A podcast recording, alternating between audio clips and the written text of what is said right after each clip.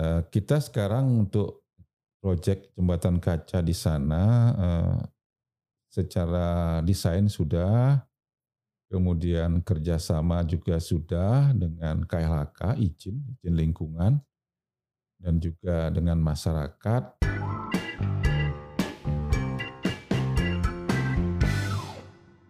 Kembali lagi bersama saya Martina Piranti dan narasumber kita kali ini Direktur Bina Teknik Jalan dan Jembatan Ditjen Bina Marga, Bapak Dr. Insinyur Nyoman Suaryana MSc. Bapak, kali ini kita akan membahas mengenai inovasi di bidang jalan dan jembatan nih Pak.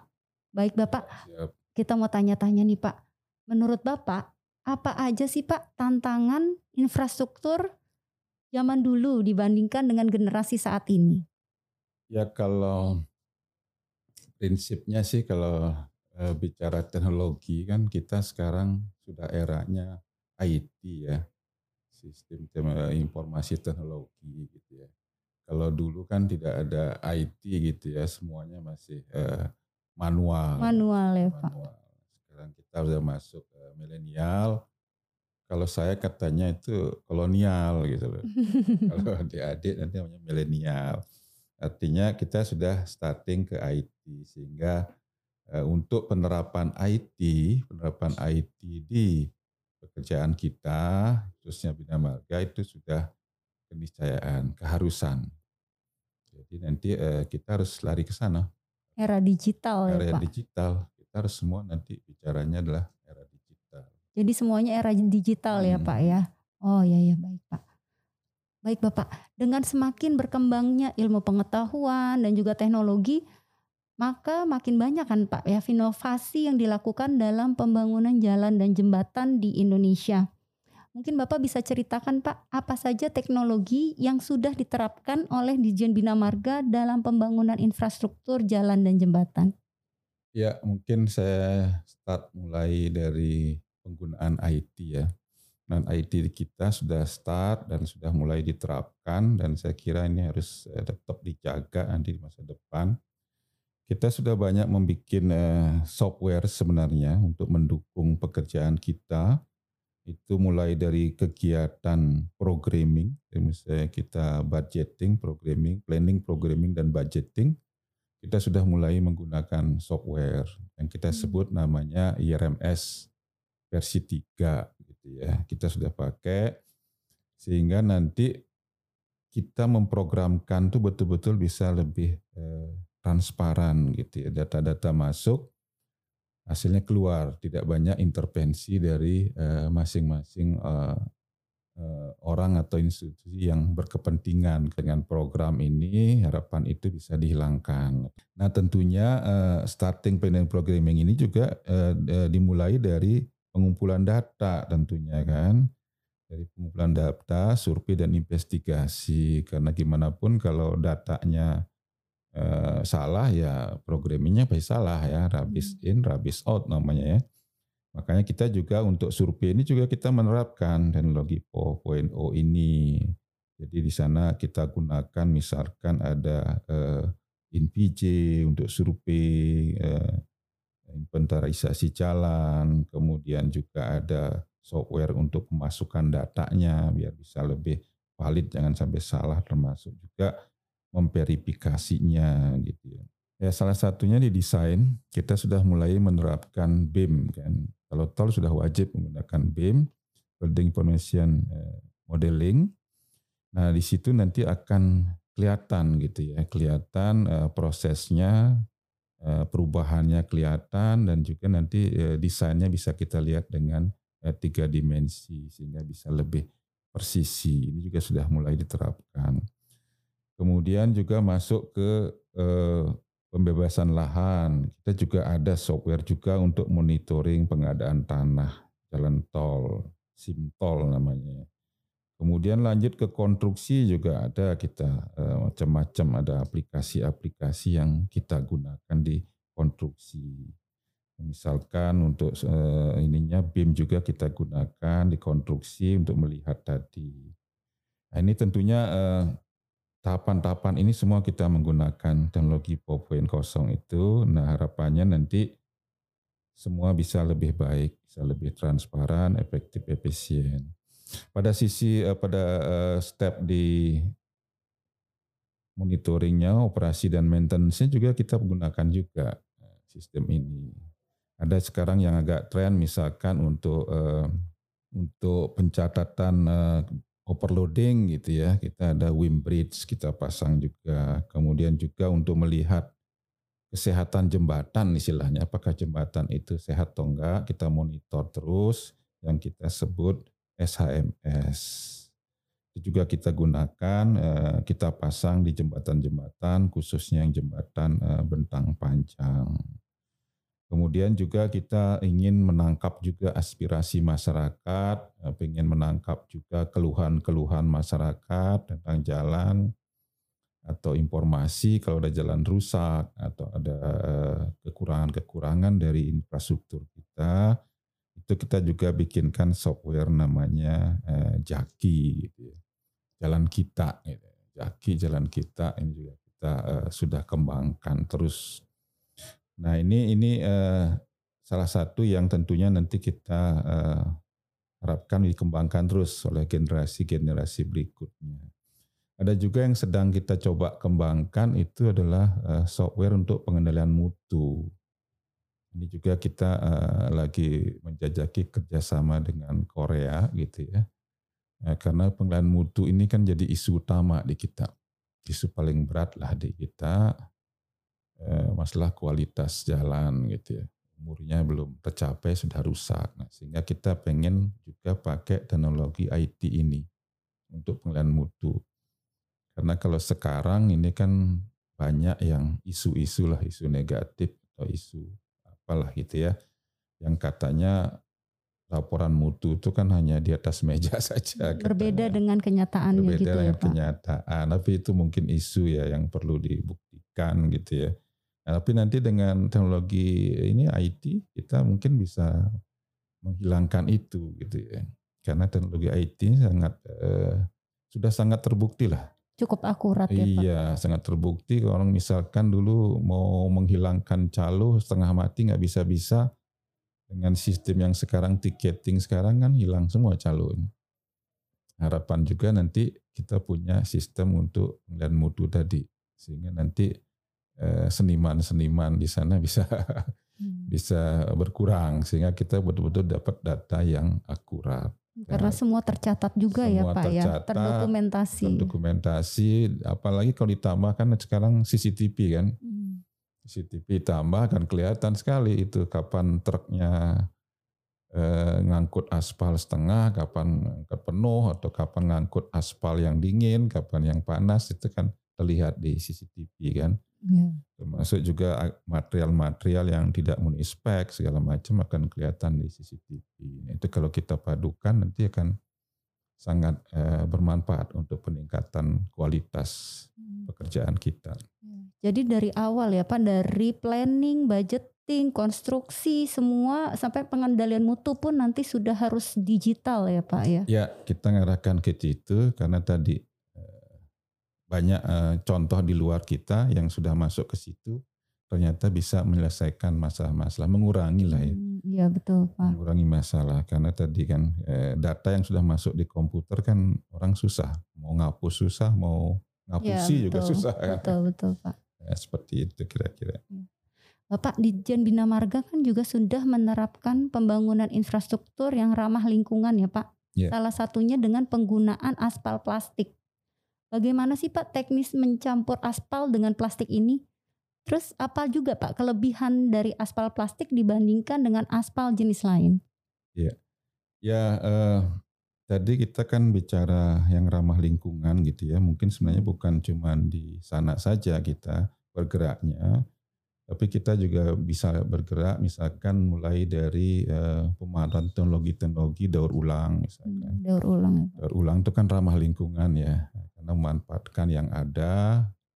Kemudian juga misalkan kita gunakan campuran yang dingin atau hangat, bukan yang panas ya.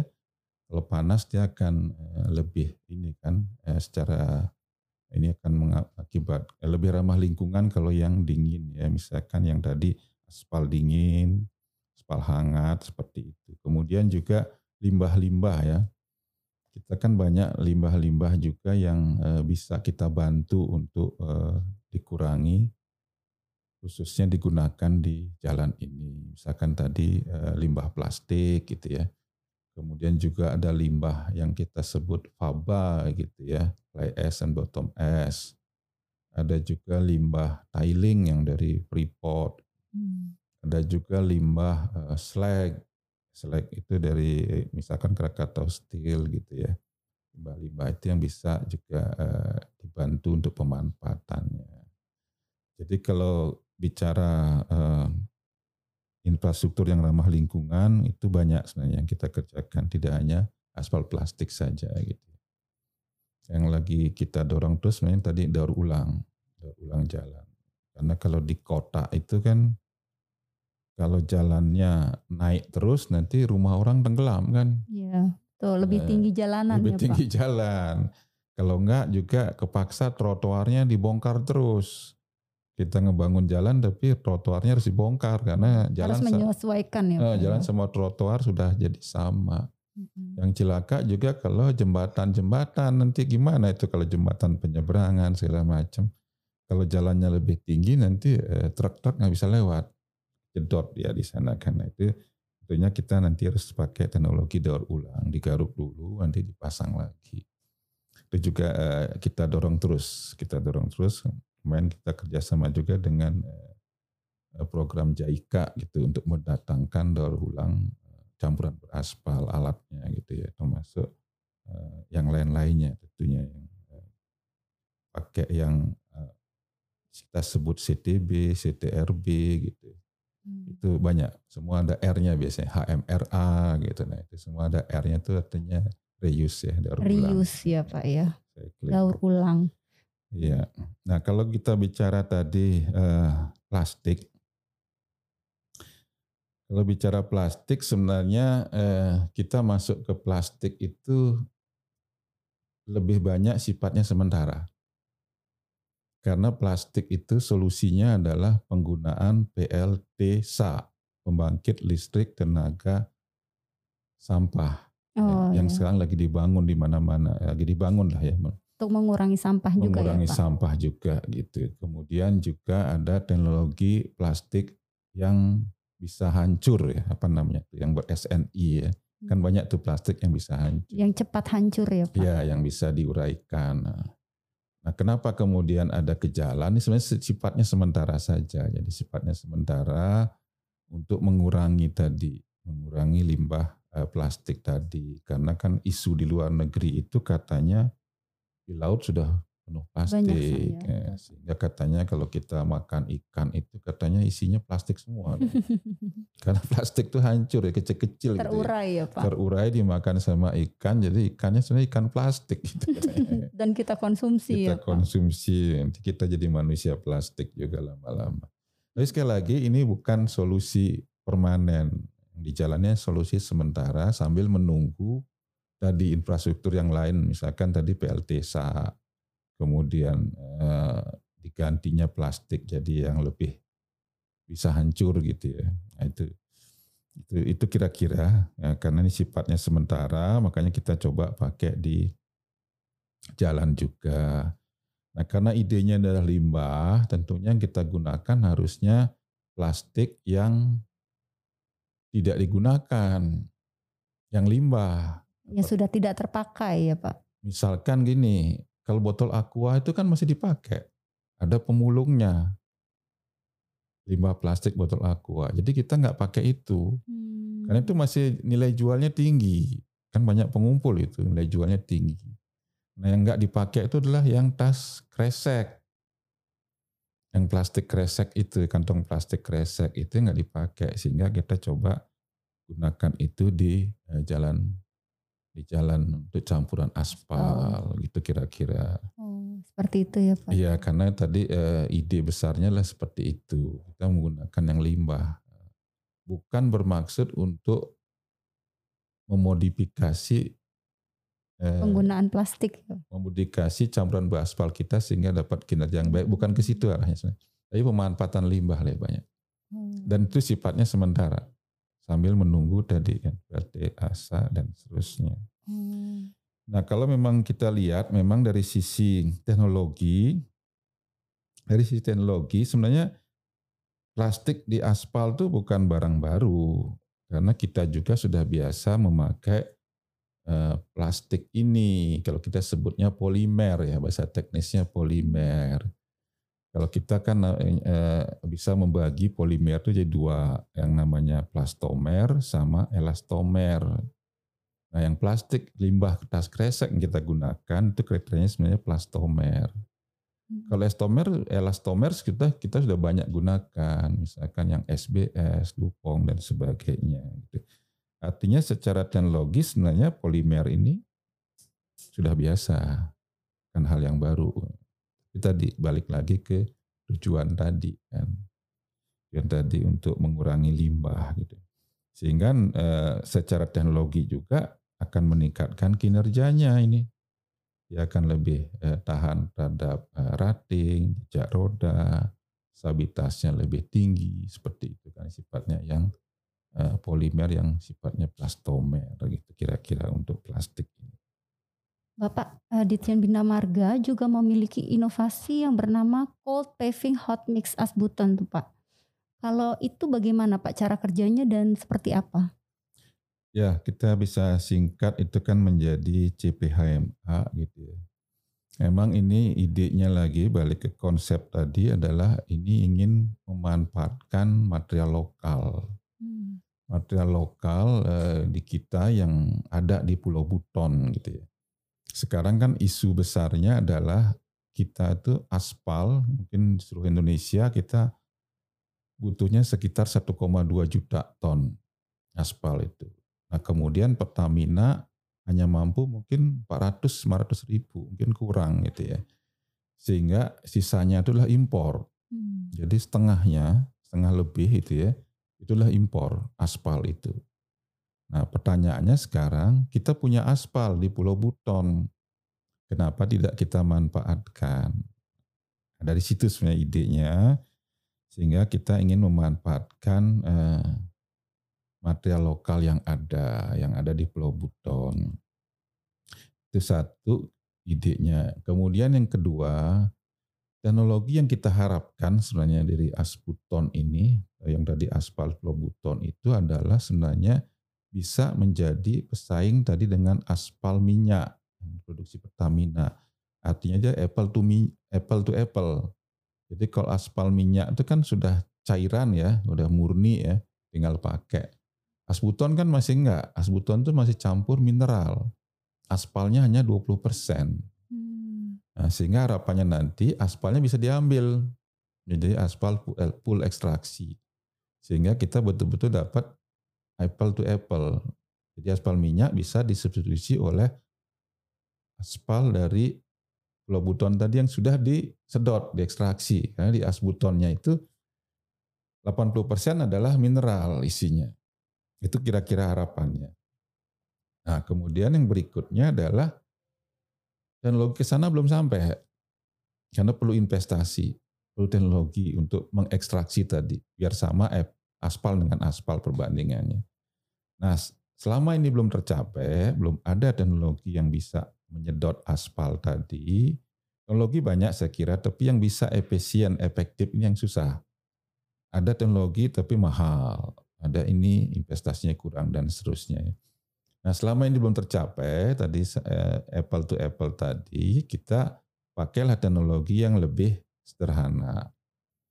Teknologi yang sederhana ini adalah contohnya adalah CPMH. Hmm. Jadi kalau CPMH itu aspalnya nggak diambil, nggak disedot, ya padanya. Masih ter itu ya bergabung dengan mineralnya itu ya, iya, ya masih bergabung dengan mineral apa adanya itu yang kita gunakan. Yang kita kira-kira kita gunakan, kita campur dengan batu gitu ya. Campur sehingga menjadi CPMH. Kemudian karena ini teknologinya ini adalah tadi eh, masih eh, belum belum full ekstraksi belum tercapai artinya ini kita memang dedicated di untuk lalu lintas yang menengah ke bawah hmm. belum berani pakai untuk lalu lintas berat di area-area tertentu ya Pak ya Iya, berarti ya. makanya teman-teman kadang-kadang kita sampaikan untuk CPMH ini jangan dipakai di lalu lintas yang berat, apalagi dipakai di pantura ya jebol. Salah kita, bukan Hmm. salah CPMH-nya. Cepat hancur ya Pak. Ya, karena emang ini desain tadi eh, peralihan, teknologi peralihan yang memang untuk lalu lintas menengah ke bawah. Nah, kenapa sekarang CPMH? Karena kan itu dibikinnya dia panas, kemudian dihamparnya dingin. Dulu targetnya adalah yang dipakai di kepulauan-kepulauan. Hmm. Misalnya dibikin di Makassar, nanti dipakai di Maluku. Nggak perlu ada pemanas di sana, aspal mixing plant namanya. Nggak perlu ada itu. Tinggal karung-karung dibawa ke sana, ditebar jadi. Itu kenapa bisa dihampar dingin tadi. Iya, di daerah yang tidak terlalu banyak kendaraan ya Pak Tidak ya. banyak kendaraan untuk lalu lintasnya dan tidak ada alat namanya aspal mixing plant itu Hmm, terbatas. Kalau ada AMP, aspal mixing plant, sebenarnya kita lebih senang ini tidak dihampar dingin. Tapi dihampar hangat bisa atau dihampar panas. Kalau memang ada AMP di dekat sana. Ini memang memang cocok untuk tadi lintas ringan dan tidak ada AMP sekitar situ. Atau juga ini bisa juga dipakai buat cadangan untuk nambal-nambal gitu ya. Hmm. Nambal-nambal jalan, tapi jangan landas berat. Untuk nambal-nambal jalan berlubang biar cepat kan di stop gitu ya. Nanti bisa buat nambal. Itu kira-kira untuk CPMH ini. Jadi memang eh, setiap teknologi itu ada ininya tepat guna, ya, ya Mm-mm. tepat guna. Artinya kalau kita gunakan di di yang tidak tepat ya teknologi itu ini juga rusak juga. Kita harus tahu CPMA itu di mana dia tepat digunakannya.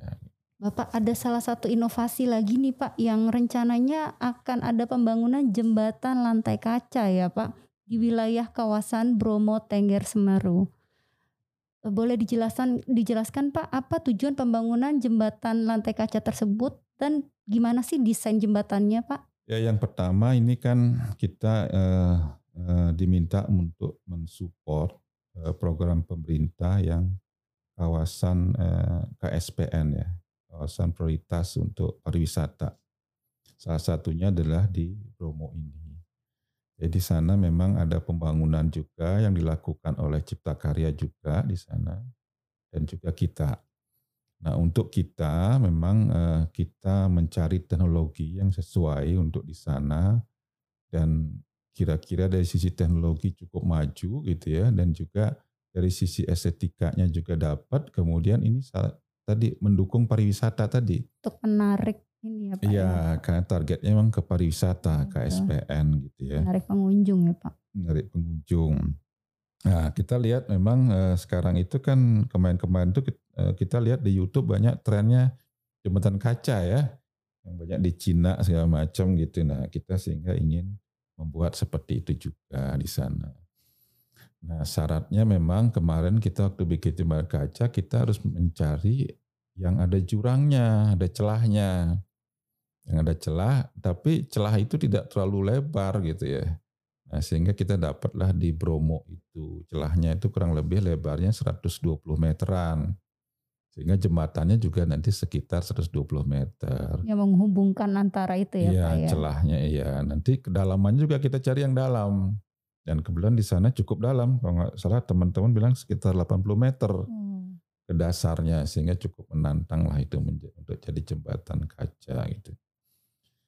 Eh, kita sekarang untuk proyek jembatan kaca di sana eh, secara desain sudah, kemudian kerjasama juga sudah dengan KLHK izin izin lingkungan dan juga dengan masyarakat karena masyarakat juga kadang-kadang eh, kemarin terakhir katanya ada gua keramat di bawahnya sehingga kita geser lagi gitu ya. Jadi memang kita komunikasi juga dengan masyarakat.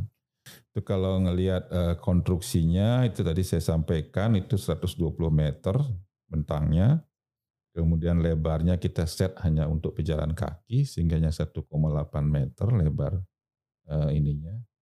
Eh, tapi lebar bentangnya tadi kan 120 kan, lebar jembatannya hanya 1,8 meter dan kedalamannya mudah-mudahan katanya sekitar eh, 80 meter. Jadi nanti tapi satu sisi kita juga memikirkan keselamatan. Keselamatannya itu yang paling penting juga ya Pak. Iya termasuk nanti evakuasinya gimana nih. Kalau orang di tengah bentang itu nggak mau gerak gimana. Iya atau ketakutan gitu ya, iya, ya Pak.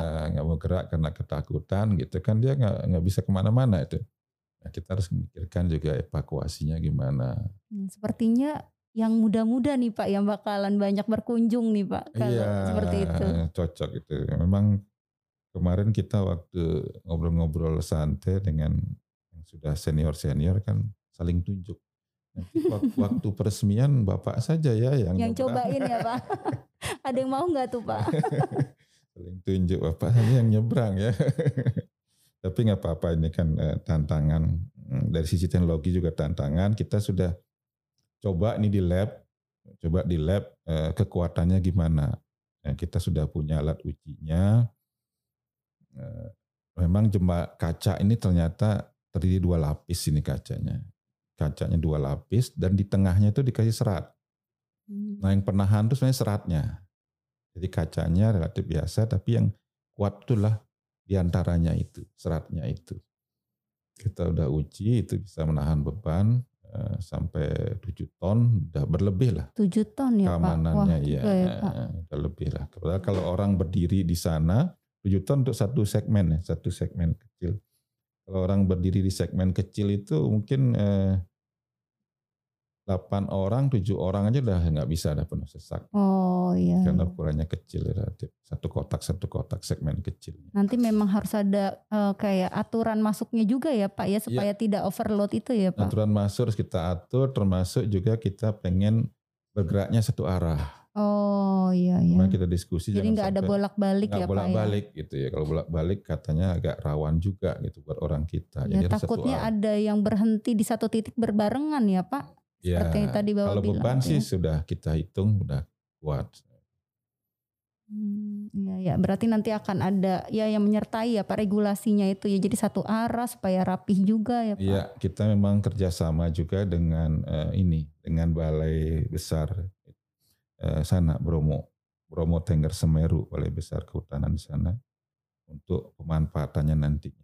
Ya, mudah-mudahan bisa segera dibangun ya Pak ya. Iya. Ada rencana uh, kemungkinan tahun berapa selesainya gitu Pak? Tahun depan selesai. Tahun depan ya diperkirakan ya. selesai ya, Pak. tahun depan selesai. Ini memang yang lama itu adalah tadi sosialisasi ke masyarakatnya, hmm. kemudian pembebasan lahan.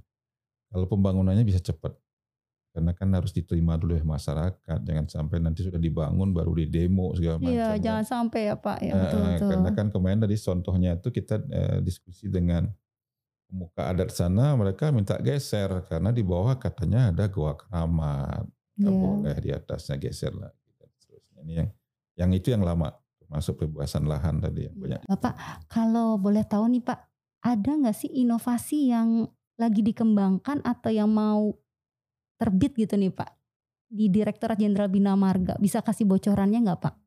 Ya kalau mungkin tahun-tahun ini kita memang banyak fokus untuk uh, mengharmonisasi standar gitu. Ya. Kita harmonisasikan semua standar-standar yang ada biar tidak tumpang tindih. Tapi nanti secara bertahap kita juga coba mulai uh, kembangkan misalkan yang immerse tunnel gitu ya. Immerse tunnel itu kan kayak terowongan di bawah air lah ya. Hmm. Nah, kayak pengganti jembatan ya.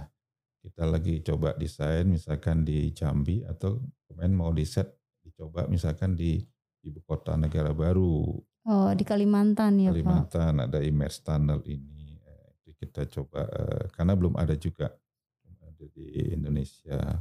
Seru tuh ya Pak ya? Iya, termasuk juga mungkin yang lainnya misalkan Eh, desain-desain jalan yang yang kira-kira nanti bisa digunakan untuk autonomous car. Karena autonomous car sekarang udah mulai tren ya.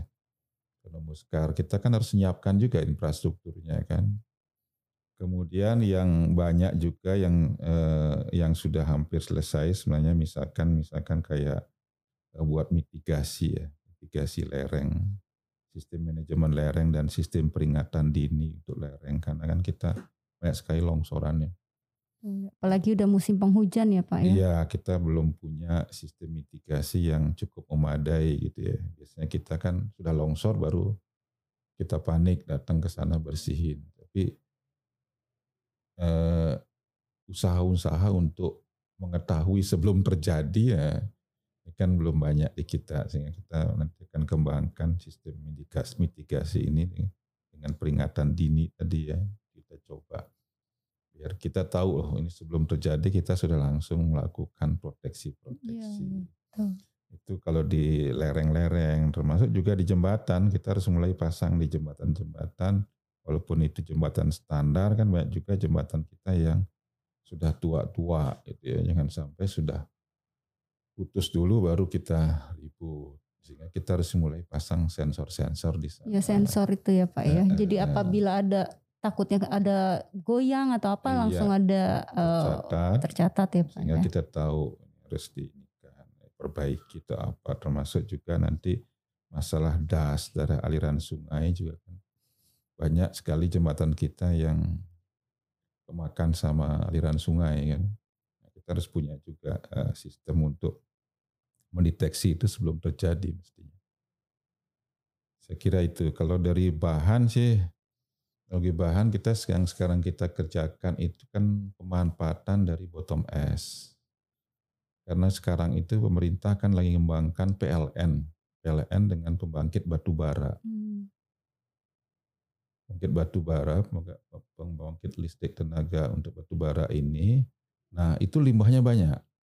Setelah dia memberikan energi kan sisanya itu kayak eh, apa namanya itu eh, bahan bakar itu apa batu bara. Kita sebutnya play S and bottom S paba nah, itu cukup banyak juga sehingga perlu juga teknologi untuk pemanfaatan limbah itu. Kalau play S sudah biasa play S kita gunakan untuk mas konkret jembatan oh. jembatan jembatan besar. Yang mas konkret lah itu biasa play S. Tapi kalau yang bottom S yang penggunaan reuse-nya tadi itu ya iya, Pak ya? reuse-nya tadi yang belum banyak yang harus kita kembangkan juga Sepertinya banyak ya Pak inovasi-inovasi ke depannya yang akan dilakukan oleh Direktorat Jenderal Bina Marga ya Pak. Ya kita harus terus berinovasi nggak boleh berhenti. Betul betul. Nanti kalau berhenti dibilang orang tua gitu.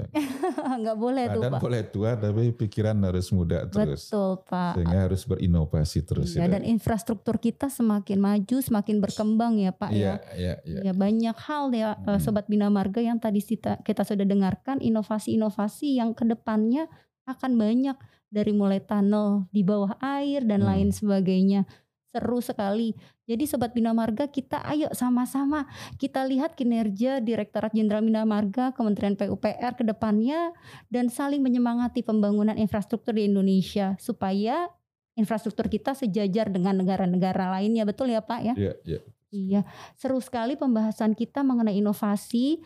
Kita sebagai anak muda jadi wah jadi semangat nih untuk menunggu inovasi-inovasi selanjutnya. Nah, eh, tapi kita sekarang mau tanya jawab singkat nih ya Pak. Ya tadi kan kita udah seru nih Pak, serius banget pembahasan tentang inovasi jalan dan jembatannya. Sekarang kita mau santai nih Pak. Kita mau uh, adakan rapid question. Oh. Saya akan memberikan beberapa pertanyaan ya Pak. Bapak bisa jawab uh, singkat dan berikan alasannya kenapa Bapak pilih. Waduh, gitu. berat ini. Enggak kok Pak. Ini sudah banyak bed ini bed sektor di memori saya. Enggak Pak, ini pertanyaan santai Pak, tenang aja Pak. Iya, iya, iya. Iya Pak. Bapak lebih pilih jalan atau jembatan? Jalan.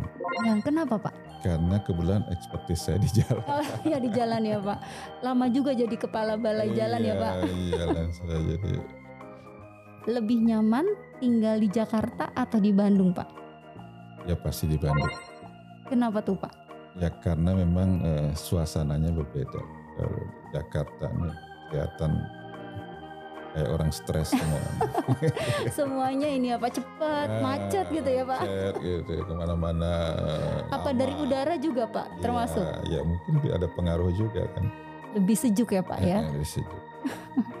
Kita di Jakarta nih Pak. Iya nggak apa-apa kan kita harus eh, menerima kerja di mana siap ya, saja gitu. Betul Pak, betul. Ya. Kalau hati senang semua jadi iya, enak-enak ya, aja ya, ya Pak ya. Ya kita harus kerjakan tugas kan. Tugas kita kerjakan. Ya. betul. Eh, nggak usah milih-milih kan nggak Iya, nggak boleh milih-milih Nggak bisa milih, Pak.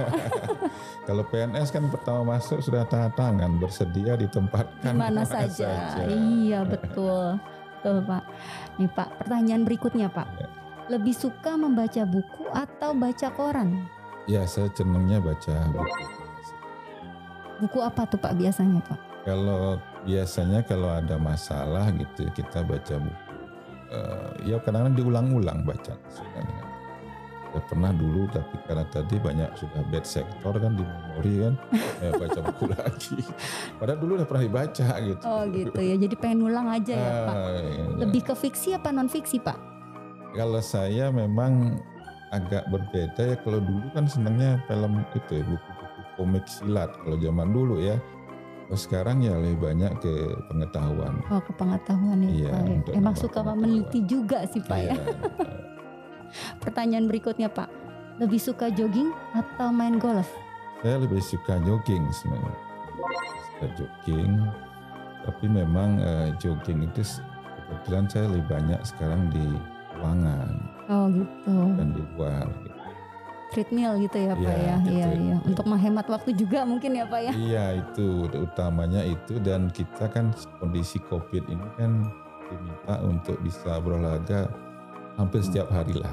Iya, betul, Nah, betul. kalau itu satu-satunya ya kita bantu treadmill. Iya, betul. Takutnya di luar juga rame ya, Pak. Ada kerumunan ya, Pak. ya. Kalau di rumah aman. Iya waktunya memang lebih cepat juga sih. Get treadmill. Kalau keluar kan turun dulu, jalan dulu, gitu. nanti ketemu orang ngobrol dulu, udah dua jam aja kan gitu. Lebih lama itunya daripada Iya, olahraganya ya, Pak. eh, Ya, Pak. Yang terakhir, Pak. Lebih suka teh atau kopi, Pak? Lebih suka teh atau Saya kopi? teh aja biasanya. Oh, lebih suka teh ya, Eh, Pak. Kenapa ko- tuh? Kopi kadang-kadang saya nggak tahu kopi itu sangat berpengaruh gitu buat saya. Oh, jadi nggak bisa tidur, Pak? Nggak bisa tidur Oh, gitu. ya. gitu. Saya nggak tahu. Tapi kalau memang niat nggak tidur saya minum kopi. Oh, gitu. Tapi sesekali mungkin ya, Pak ya. sekali. Wah Sobat Bina Marga seru sekali ya pembahasan kita bersama Pak Nyoman. Kita udah bahas banyak hal dari inovasi bahkan sampai kesukaan bapaknya nih. Kita jadi lebih tahu juga mengenai Pak Direktur gimana sih kesehariannya.